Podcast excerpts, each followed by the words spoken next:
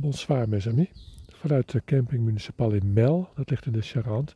Ja, ergens uh, ten oosten van uh, en nou, in de grote lijn ten zuidwesten van uh, Poitiers. Dan heb je een beetje een idee waar ik zit. In de zuidwesthoek zit ik in ieder geval.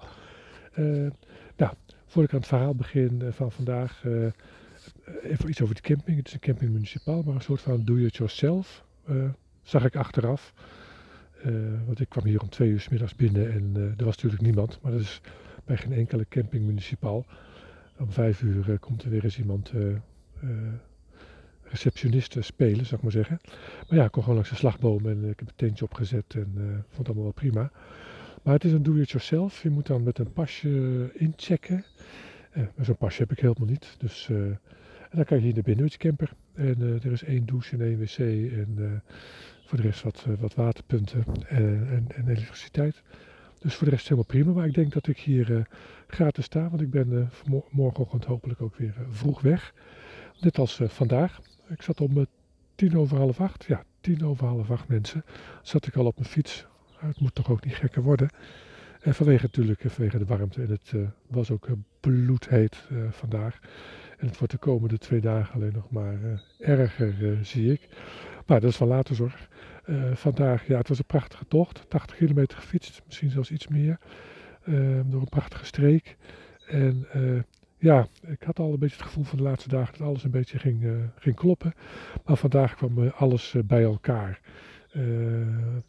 de uitdaging die ik van tevoren al had hè, omschreven. Misschien heb je de eerste aflevering geluisterd.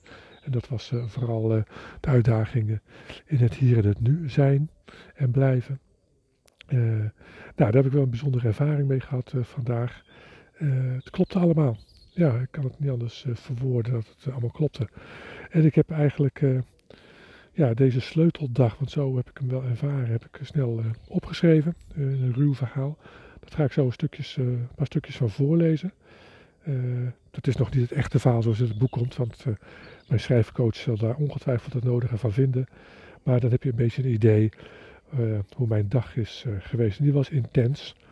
Uh, maar voordat ik dat ga doen, vast even vooruitblikken. Morgen wil ik weer vroeg weg. Ik hoop zelfs voor half acht, want het wordt hier in de loop van de middag een graad of 38 in deze streek. En dan wil ik eigenlijk ja, morgen ook weer 70, 75 kilometer als het goed is.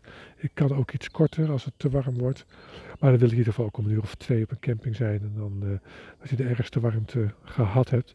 En het wordt iets minder glooiend geloof ik dan uh, vandaag. Dus het zou iets lichter moeten worden. En zaad, uh, zondag wordt het nog iets warmer. Wordt het ook iets van 38, 39 graden. En uh, dan gaat het daarna gaat het, geloof ik afkoelen. En in sommige streken gaat het zondag al uh, wat afkoelen. Dan gaat het van 39 naar een aangename 29. Nou ja, dat gaan we allemaal zien. Maar de komende paar dagen worden echt eventjes uh, qua hitte afzien. Dus ik ben benieuwd hoe dat gaat. Vandaag ging het in ieder geval goed. Heb ik het redelijk goed doorstaan. En nou ja, nu op de camping is het denk ik nog een graadje of 4, 25. En zou je bijna zeggen, goh, het wordt aangenaam fris. Zo, eh, zo relatief is het ook allemaal. Nou, oké, ik ga wat, uh, wat, wat een paar stukjes uh, voorlezen. Vind ik ook best wel spannend. Uh, ik vind het af en toe moeilijk om eigen handschriften te lezen. Dus als het fout gaat, excuus op voorhand. Want ik ben gewoon heel slecht in schrijven. Althans, mijn handschrift is heel slecht. En ik kan het dan vervolgens ook heel slecht lezen. En het wordt ook al wat donker. Dus we gaan gauw opschieten. Gaat-ie. Vandaag lijkt alles bij elkaar te komen en te kloppen. Ik heb mijn eigen route gemaakt. Geen Eurovelo, geen route die anderen hebben bedacht. Mijn eigen spoor. Precies zoals de filosoof Ralph Waldo Emerson ooit zei. Ga niet waar de weg is. En ga niet waar de weg je leidt. Maar ga waar geen pad is en maak je eigen spoor. Laat je eigen spoor achter. En dat doe ik nu. Door de wijnstreek van de Charente. Precies tussen Cognac en Angoulême. Het zijn natuurlijk weer prachtige D-weggetjes. Dwars door de wijnvelden en akkers vol graan. Af en toe een château met een paar huizen of een, soms een heel echt dorp.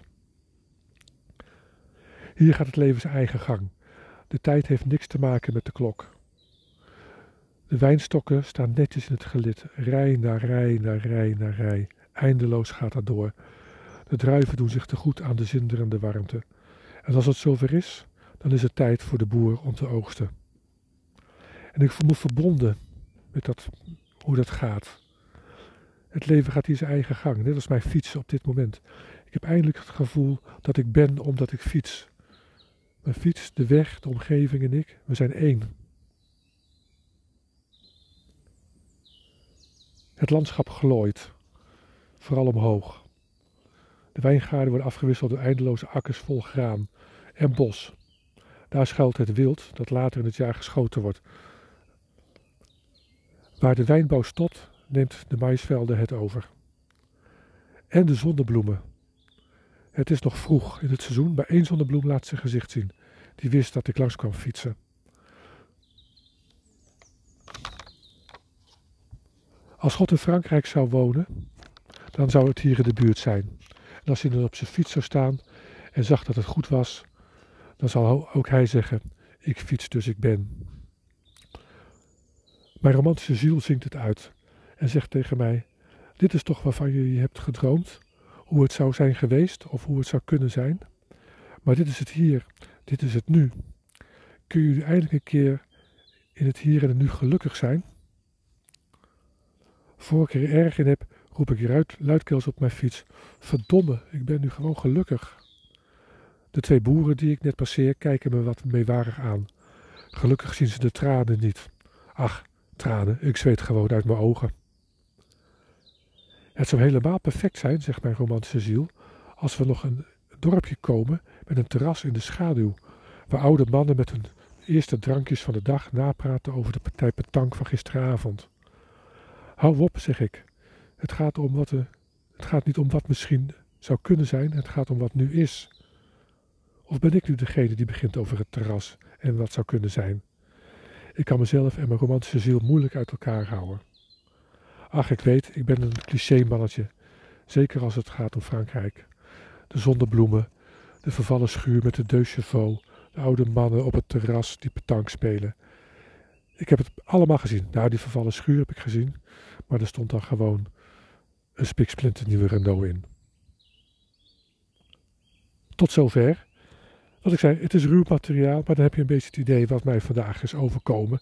En uh, nou, dat was wat ik zei, intens.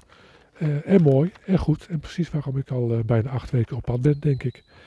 Ehm, later meer. En het wordt allemaal beter en mooier. En dat je denkt van ja, maar dat moet ik straks gewoon echt gaan, gaan lezen natuurlijk.